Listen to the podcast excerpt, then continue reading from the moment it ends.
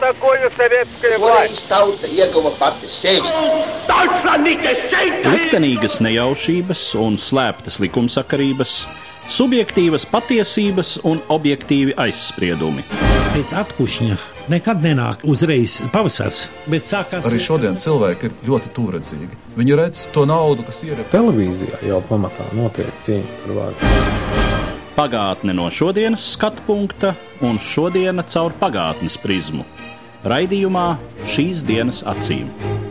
Latvijas radio eterā Eduards Liniņš. Šodien mūsu saruna par cilvēku, kurš nenodzīvoja dažus mēnešus līdz Latvijas valsts pasludināšanai, par pulkvedi Friedrihu Briedi. Mani sarunas biedri studijā Latvijas kara muzeja nodaļas vadītāja Ilze Krīgere un Ziemassvētku kauju muzeja vadītājs Dagnis Dedumietis. Labdien! Labdien! Ja mēs kādam vidusskolniekam, kā žurnālistiem, to ļoti patīk darīt, uz ielas pajautātu, kas ir Friedrichs Briedis, tad ļoti iespējama atbilde būtu, ka viņš ir kāds no Latvijas neatkarības cīņu komandieriem. Jo trīskārtējs Latvijas ordeņa kavalieris, viņa vārdā nosaukta viena no ielām Rīgas centrā, vidusskola, tā tad varētu domāt, ka cilvēks, kam ir tieši sakars ar Latvijas neatkarības izcīnīšanu. Diemžēl tas tā nav. Friedrichs Briedis varēja droši vien būt Latvijas neatkarības cīņu komandieris, bet uh, viņa liktenis traģiski aprāvās 1918. gada naktī uz 28. augustu Čekas Butirku cietumā Maskavā pēc attiecīga ārkārtējās komisijas lēmuma par viņa vainu sazvērestībā pret jauno bolševiku varu Krievijā. Rodas jautājums, kas tad ir tie iemesli, kāpēc Friedriham Briedim ir tik liela vieta tomēr ierādīta Latvijas varoņu galerijā? Nu, viņa lielākie nopelni, protams, ir saistīti ar Pirmā pasaules kara cīņām, ar viņu kā diezgan populāru personību strēlnieku vidū, kā arī veiksmīgu komandieru un veiksmīgu izlūku vairāk, gan, kas arī ļoti manuprāt, saistīts arī ar viņu personīgām īpašībām, kur nemaza vieta bija avantūrismam un eh, tādai pārgalvībai.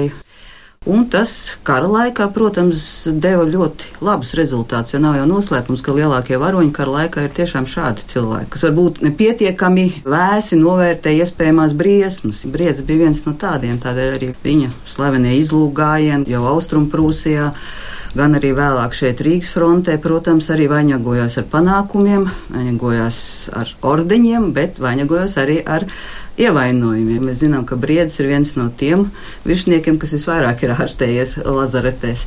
Tātad, cik mēs varam spriest, tad pulkvedis Briedis bija no tiem virsniekiem, kuri aizrauja kareivis ar savu personisko piemēru, ved sev līdzi kaujā, iet savai vienībai pa priekšu, teiksim, nu, šajā gadījumā tie nav tādi durkļu uzbrukumi varbūt, bet, nu, tā kā viņš bija izlūku komandieris, tad tāda klusas, bet efektīvas operācijas. Ko varētu teikt par briedi, kā par stratēģi, kā par virsnieku, kam ir cerības kļūt par ģenerāli? Miera laikā noteikti briedis būtu kļuvis par augstu virsnieku, viņš būtu ļoti iespējams sekmīgi arī mācījies ģenerālštāga akadēmijā. Praktiski karam sākoties, viņš gan arī jau bija iestājies, viņā viņš jau bija izturējis pirmos pārbaudījumus, bet karam sākoties viņš devās fronti. Nu, frontē virsnieka izaugsmē jau karjeras iespējas atšķīrās no tā, kā tas varētu būt miera laikā. Protams, trīs kara gados no paručika izaugt līdz pulkvedim, pāriet pāri vairākām dienestu pakāpēm. Tas miera laikā nebija iedomājams. 30 gados briedis jau kļuva par pulkvedi. Es domāju, ka viņa šīs spējas vairāk arī bija raksturīgas tieši tas līmenis, kuru viņš ir sasniedzis tādā ziņā, ka tas bija tas līmenis, kur briedis atradās tuvāk kontaktā ar ierindas karavīriem, ar instruktoriem, ar kuriem viņš kontaktējās, risināja šos uzdevumus. Jau lielākas dienas pakāpes nozīmē to, ka viņam būtu jādarbojas štābos, tālu prom no frontes. Bet katrā ziņā, kā spējīgāks viņš izrādījās tieši frontes darbībā, kur darbojas virsnieki ar zemākām dienas pakāpēm. Runājot par šo brieža popularitāti strēlnieku vidū, kā mēs to varētu novērtēt, cik liela tā bija? Nu, ja ievēro tomēr, ka 17. gadā, kad strēlnieku pulkos notiek intensīvais bolševizācijas process, briedis izrādās tomēr atstumts no komandēšanas. Briedis, protams, nebija vienīgais, kurš bija atstumts no komandēšanas, jo 17. gadā ir ļoti ļoti maz bija tāda augsta ranga virsnieka, kuri varēja atrast kopēju valodu ar strēlniekiem. Jāsaka, Briedis bija joprojām populārs, un joprojām viņa atbalstīja tieši tie, ar kuriem viņš arī bija gājušais izlūgājienos. Tas ir pirmā Daugavgrības pulka strēlnieki, un tieši arī visvairāk šaucamās tehniskās komandas, izlūku komanda, lietnieks spridzinātāji, ložmetējnieki. Tie arī 17. gadā Briedis dibināja šos te nāvus bataljons, ja tā ir viņa ideja, dibināt apmēram pusotru tūkstošu lielu karaspēku vienību, kas būtu uzticami demokrātiskām idejām, uzticām šai te pagaidu valdībai un kas cīnītos ar bolševikiem. Un uh, lielākā daļā strēlnieku, protams, šī viņa ideja neguva atbalstu, bet tieši tie, kur iestājās šajā nāves bataljonos, bija no Daugaugrības šie tai pulka. Viņa uzskati un tāpat kā visu citu virsnieku uzskati stipri atšķīrās no tā laika vienkārši karavīru uzskatiem. Jāsaka, gan arī patiesības labad, kad virsnieki īpaši necentās tuvināties un izprast karavīrus, ja tas ir retais, kurš to darīja. Viņi bija vairāk saistīti ar krievu virsniecību, ar krievu inteliģenci nekā šiem te latviešu strēlniekiem. Ja, tāpēc arī par tām nacionālām idejām, ko bieži vien pierakst gan Biedim, gan arī daudziem citiem šiem virsniekiem, man ir ļoti liels šaubas. Tas varbūt nebija īsti pirmais, par ko šie cilvēki šajā brīdī domāja. Ja mēs noliekam līdzās divas eh, tādas ļoti zināmas personības, kā Friedrichu Briedi un Jukumu Vācieti, novērtējam viena un otra izšķiršanos šajā brīdī.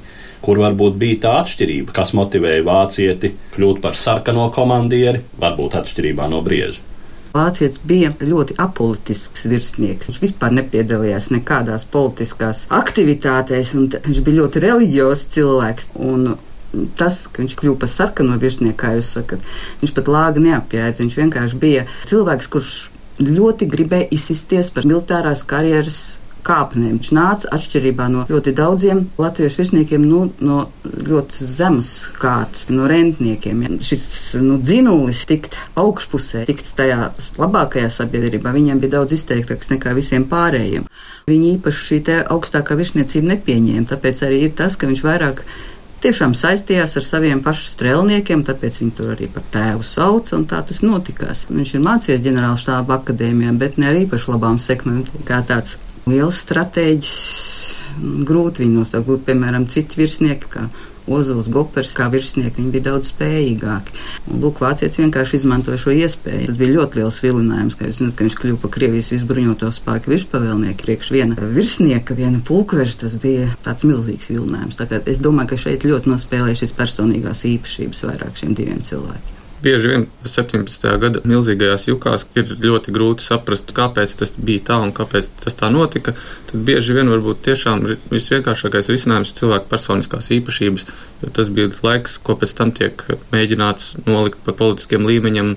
Bija varbūt vistuvāko cilvēku instinktu apstākļu risinātas situācijas. Un savukārt Friedriham Briedim cik nu ir par viņu zināms, par viņa izturēšanos dažādās situācijās, taisnot otrādi šo te godkāras trūkumu varētu varbūt pat pārmest, jo atnākot uz strēlnieku bataljoniem, viņam piedāvā komandēt otro Rīgas bataljonu. Viņš atsakās un labāk pieņem komandēt pirmā bataljonu vienu rotu. Tāpēc to viņš dara ar visu sirdi un dvēseli manuprāt, tiešām diezgan būtisks, lai saprastu to situāciju. No šodienas viedokļa raugoties, ir tieši šis sociālais, šķiriskais aspekts. Manas paudzes un vecāku ļaudis skolā un augstskolā bija spiesti mācīties par šķiriskumu tik tālu, ka tas eh, izraisīja nelabumu un pretēju reakciju. Nu, jāsaka, toreiz tomēr piederība šķirai nozīmēja diezgan daudz, un jo sevišķi eh, cariskajā Krievijā. Ja mēs domājam par citiem tā laika komandieriem un virsniekiem un to, kurā pusē kurš nu no viņiem nonāca. Piemēram, maršals Mannerheims. Maršals Buģonijs ir vienaudži. Viņi ir dzimuši faktiski vienā laikā. Tikai viens aristokrāta ģimenē, un otrs šķiet arī zemnieka vai pat plaukstrādnieka ģimenē. Viņi abi izvēlās kavalērijas virsnieka karjeru, Tikai nu, šīs karjeras kāpums ir ļoti atšķirīgs, jo laikā, kad Mannerheims jau ir ģenerālis, Buģonijs vēl joprojām ir šķiet tikai kapteinis. Kaut arī izceļas ar lielu varonību un arī komandēšanas prasmi, bet tad nāk revolūcija, kas vienā mirklī kaut vai tādu buļbuļsāņu paceļ tajā pašā līmenī. Viņš pēc maz brītiņa jau ir komandārums sarkanajā armijā. Un Es domāju, ka vērtējot arī latviešu virsnieku izšķiršanos, un šie apstākļi jāņem vērā, kas liek briedim tajā izšķirīgajā situācijā nonākt būtībā ļoti loģiskā pozīcijā un ļoti loģiskā pusē. Un tā ir tātad uzticība Krievijas pagaidu valdībai. Pēc uh, oktobra revolūcijas vai oktobra apvērsuma, kad notiek strēlnieku nonākšana bolševiku ietekmē, kas notiek tīri personiski ar riedi? Brīdī, kad notiek lielnieku apvērsums, briedis ārstējās tērbatā kārtējo reizi no ievainojuma. Pēc ārstēšanās viņš devās atpakaļ uz Latviju, uz Cēsīm, un tur viņu arestēja.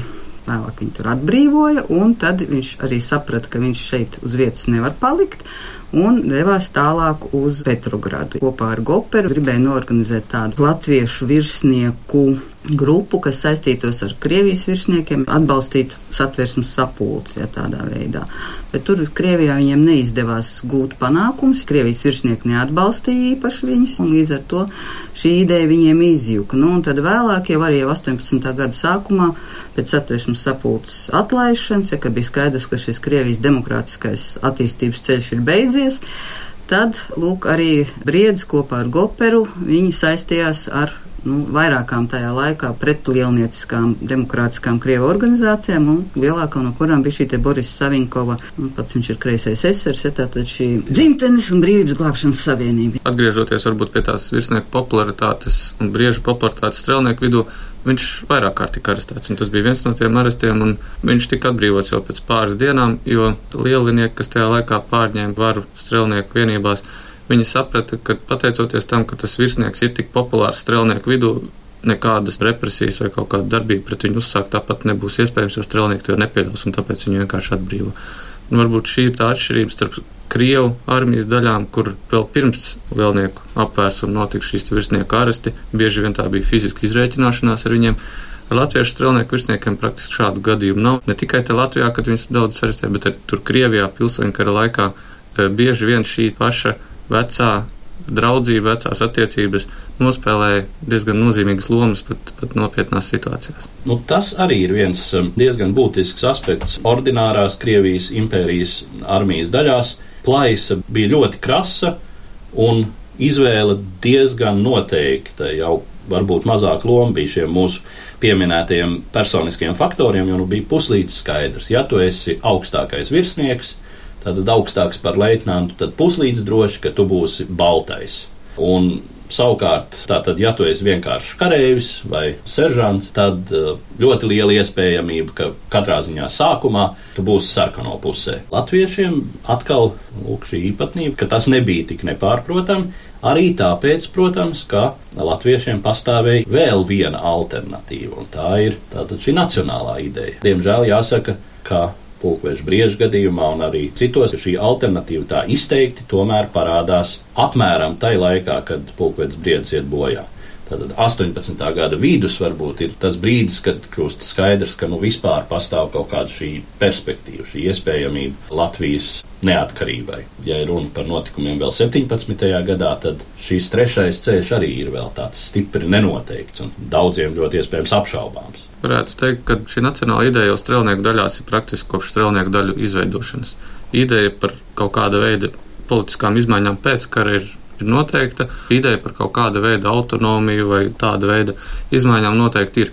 Un nekas arī nemainās pēc šiem 17. gada notikumiem. Šī ideja ir, bet viņa neiegūst nekādas noteiktas konkrētas formas, un tāpēc varbūt liela daļa no viņiem arī apvienojas ar briedi, jo viņš šo te nacionālo ideju, nespējams varbūt noformulēt kaut kādās politiskās struktūrās, viņš viņu pavērš pret vāciešiem. Tātad galvenā ideja ir turpināt cīņu pret vāciešiem, ar galvenais mērķis Latviju fiziski atbrīvot no Vācu okupācijas, kas notiek 18. gadā. Jā, tieši tā, un laikam tas arī ir vēl viens faktors, runājot par pašu briežu izvēli. Pagaidu valdība turpināja cīņu pret vāciešiem, savukārt bolševiku valdība bija gatava slēgt ar vāciešiem Krievijai un jo sevišķi Latvijai absolūti bezcerīgu mierlīgumu, kas visu Latviju atstāja vācu pārziņā uz nenoteiktu laiku. Nu, ja teiksim, skatās pēc Brestļitovskas mierlīguma burta, tad uh, uz visiem laikiem iespējams.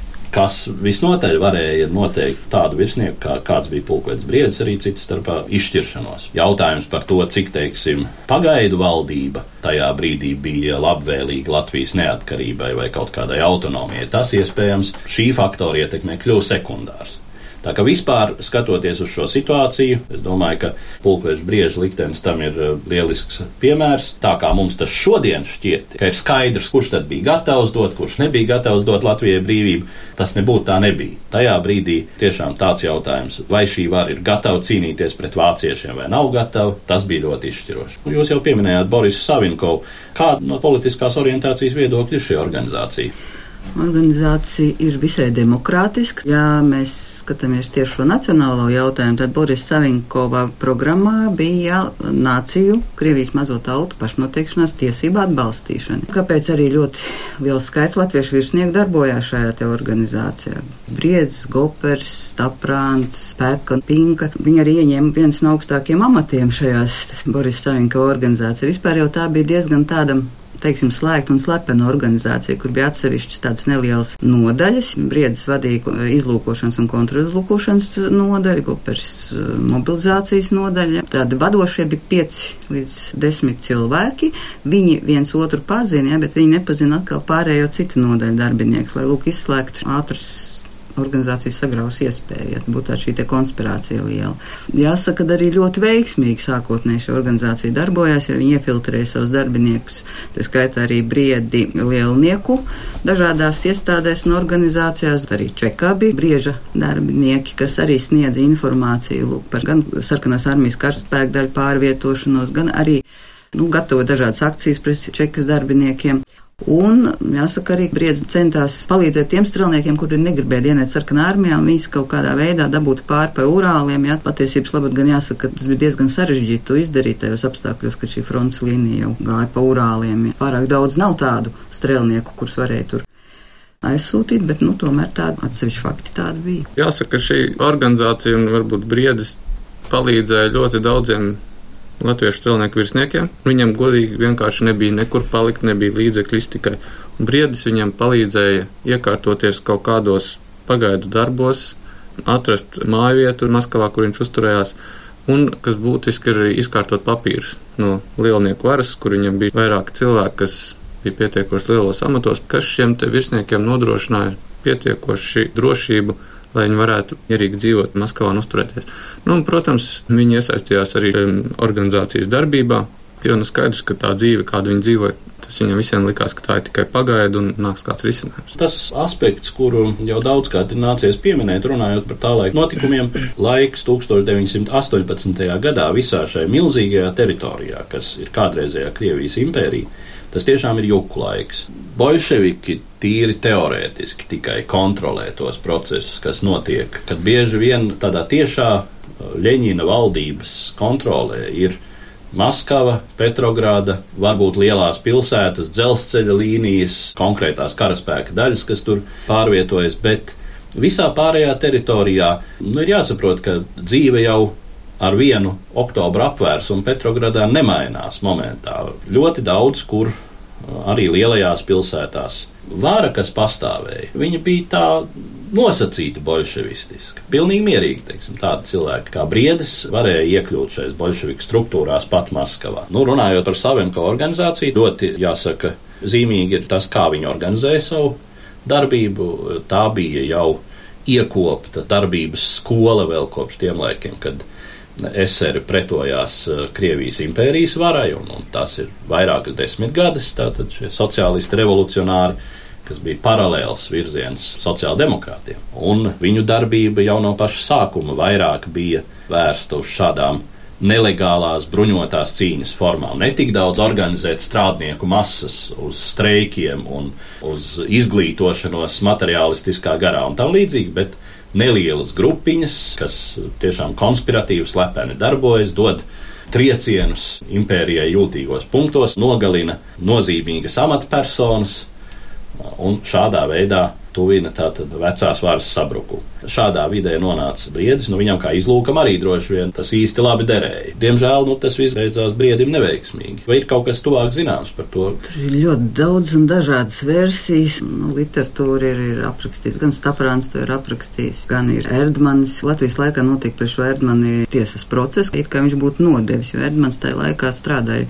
čekas struktūrās. No vienas puses viņš bija uzskatīts kā ļoti labs čekists, sarkanie viņi tā uzskatīja, nu, un no otras puses viņš tomēr bija savienko organizācijas biedrs. Un tad šis tiesas process Latvijas laikā, es zinu, ka Ernmans ir nevainīgs, bet Pilnīgi droši mēs neviens to nevaram pateikt, ja, jo līdz šim brīdim šie čekas dokumenti ir slepeni, ja, un neviens cilvēks viņus arī nav redzējis. Staprāns raksta pret Erdmani, jā, viņš raksta to, ka Erdmans bija nodevējis, bet pirmām kārtām Briedis pats darbojās ļoti atklāti. Viņš tika vairāk kārt brīdināts, lai viņš tur sevi nereklamē, ka viņš tomēr ir ļoti atpazīstama personība, bet viņš uzskatīja, ka viņam nav no kā baidīties, un tā viņa pārgalvība arī mazliet. Vai tur bija tieši kāda nodevība, viņa vienkārši čeka beidzot nonāca uz viņu pēdām, ja tas ir grūti pateikt, bet ir, saku, vairākas versijas. Arī versija, ka it kā īsi pirms brieža bija arestēts vecie latviešu virsnieki Rubis un Peka un ka kāds no viņiem ir nodevis. Latvijas karavīri Nacionālā savienība griezās tieši konkrēti pie Peters, bija tajā laikā čeks priekšnieks, to īso brīdi taisno vasarā nebija. Un konkrēti pie Peters personīgi ar lūgumu briedi kā slavenu latviešu virsnieku atbrīvot. Un turpat ir tas aprakstīts, ka Peters arī ilgu laiku domāja par šo lietu. Ja tiešām briedis ir pārāk populārs.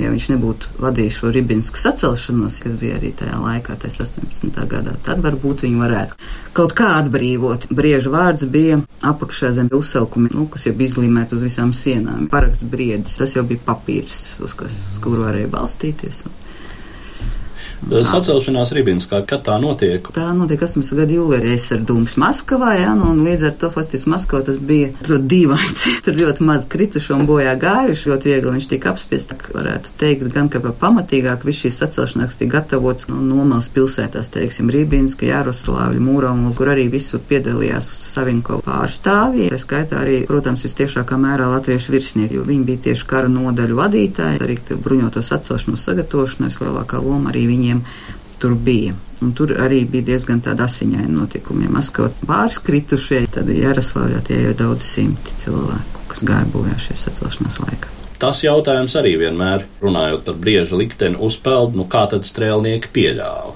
populārā komandiera iznīcināšanu. Ir vairākas liecības, ka strēlnieku vienību komandieri, kas tajā laikā atradās Maskavā, ir vērsušies pie Čekas vadības ar lūgumiem briedi atbrīvot tieši minot par iemeslu popularitāti strelnieku vidū. Brieža nošaušana avīzē, parasti tika publicēti tie nošaujamie kontrarevolucionāri, kam ir izpildījis nāsots. Nopublicēts, ja nemaldos, tika 23. augustā, tātad piecas dienas pirms briedis tika nošauts īstenībā. Un šis fakts pat briedim pašam tika zināms, tajā cietumā viņš šo avīzi redzēja. Bet viena no versijām, kāpēc tas tika izdarīts, lai paskatītos, kāda būs reakcija latviešu daļu vidū, vai nenotiks kaut kāda darbība pret lielnieku varu. Tātad, lai varētu izspēlēt to, ka briedis tomēr ir dzīves. Bet nu, kā bija realitāte vispār? Nu, doma par to, ka varētu vienkārši aiziet un atbrīvot. Vai... Tur bija mēģinājumi, tas arī ir vairāk aprakstīts. Tur bija arī no Nacionālās savienības pārstāvi organizēja tādu slepenu viņa atbrīvošanu, bet tur ar kaut kas viņiem izjuka, var sakot, nebija tur attiecīgi, attiecīgā brīdī mašīna, kur viņai bija jābūt, lai varētu šim butirku cietumam uzbrukt un viņu arī atbrīvot. Teiksim tā, ka strēlnieku daļas iet uzbrukumā cietumam, tā tas nebija. Ne visi šie strēlnieki arī bija informēti, kas tur notiek ar briedi, jā, ne arī viss, kā jūs zinat, tas tajā laikā Maskavā atradās tikai daži pulki, tā skaitā Daugavgrīvs tur nebija pirmais pulks, kur vislielākā popularitāte varēja būt briedim, un līdz ar to tomēr tas viss arī vairāk vai mazāk slepeni notikās. Vēl tāds aspekts, kas var šķist brīžam paradoxāls un kam es nedaudz pieskāros jau pašā mūsu sarunas sākumā. Brieža popularitāte un viņa lomas izcelšana neatkarīgajā Latvijā. It kā cilvēks, kam nav tieša sakara ar Latvijas neatkarības izcīnīšanu, kurš arī gluži ideiski, un tas ir vēl liels jautājums, vai viņš tiešām domāja par gluži suverēnu Latviju, vai tomēr, ja reiz viņš atbalstīja Krievijas pagaidu valdību, tomēr būtu samierinājies ar Latvijas autonomiju Krievijas sastāvā.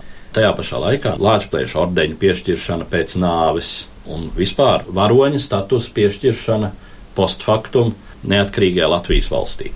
neatkarīgā Latvijas valstī briedis acīm redzot tika izvirzīts kā vēsturiska personība uz strēlnieku veikumu vēsturē. Nav jau nekāds noslēpums, ka Latvijas laikā latviešu strēlnieku cīņas tika traktētas būtībā kā Latvijas neatkarības cīņu kaldinātājiem, kā Latvijas armijas iesākumi, un briedis tika izvirzīts kā šo varonīgo cīņu simbols pēc 34. gadā apvērsuma, vēl e, vairāk paspildināta viņa personības loma, jo tad vispār vēsture tika traktēta vairāk kā personību vēsturi. Jāsaka, ka varbūt arī šajā Latvijas laikā mazāk tika apspriestas prieža gaitas Krievijā, vairāk izcelta tieši viņa darbība latviešu trilnieku vidū šeit Latvijā, izlūgājienu 15. gadā. 16. gada darbība, nu, un, protams, Ziemassvētku kaujas. Un, attiecīgi, viņa darbība jau pēc tam tika izcelta varbūt mazāk, pieminot tikai to, ka viņš ir kā moceklis cietis Krievijā no lieliniekiem varoņu asinis ir tās, kas it kā leģitimē jebkuru ideju. Arī uz šīs idejas pamata dibinātu valsti, nu vismaz tā laika pagājušā gadsimta pirmās puses priekšstatos tas ļoti lielā mērā tā vēl bija.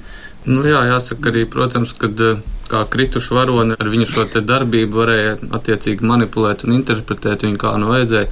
Runājot vispār par pulkveža brieža likteni, pilnīgi skaidrs, ka pulkvedis briedis sevi neatrada sarkanā komandiera statusā, kā to atrada Jukums Vācietis. Viņš sevi droši vien, es tā pieļauju, nevarēja atrast arī starp krievu monarhistiem, starp tiem spēkiem, kas galu galā izrādījās galvenais faktors cīņā pret bolševikiem. Mēs zinām, ka bija latviešu virsnieki, kas dienēja, piemēram, Kolčaka armijā. Gopers, Go... Bangerskis ļoti augsts amats ieņēma. Īpaši neteicās skriet atpakaļ uz Latviju, kad jau šeit bija Latvijas valsts. Briedis diez vai būtu dienējis, nu vienalga pie Kolčaka, Juģēniča, Rangeļa, kur vēlties, diezin vai.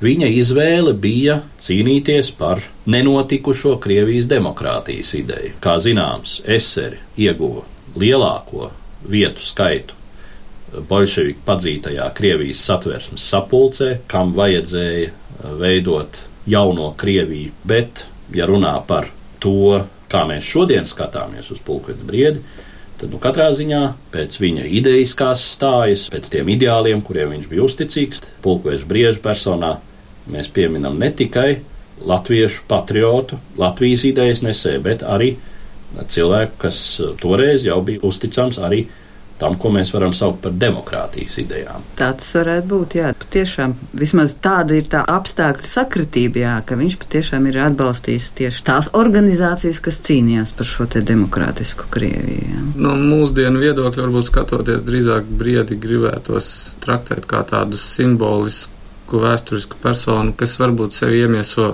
ļoti daudz latviešu virsnieku traģēdiju Pirmā pasaules karā un Krievijā, jo Ļoti daudz jau virsnieki varonīgi cīnījās gan latviešu strelnieku rindās, gan arī citās Krievu karaspēku daļās. Pēc tam šajā te juku laikā viņi iesaistījās dažādās organizācijās, dažādi darbojās, ne tik daudz kaut kādu mērķu vadīt, cik vairāk tiešām šo te apstākļu spiesti. Un ļoti daudz tur arī Krievijā palika, ar briedi kopā nošāva arī bijušo otrā Rīgas pulka štāba priekšnieku Rubi, kurš arī darbojās šajā pašā Savinko organizācijā. Tātad briedis varbūt ir uztverams kā tāds ļoti daudz latviešu strēlnieku virsnieku dzīves gājumu iemiesojums. Ar to arī mēs noslēdzam mūsu šodienas sarunu par pulkvedi briedi. Es saku paldies maniem sarunas biedriem, Latvijas kara muzeja nodeļas vadītājai Ilzai Krīgerei un Ziemassvētku kauju muzeja vadītājam Dagnim Dedumietim. Paldies! Par pagātni sarunājas Eduards Līniju.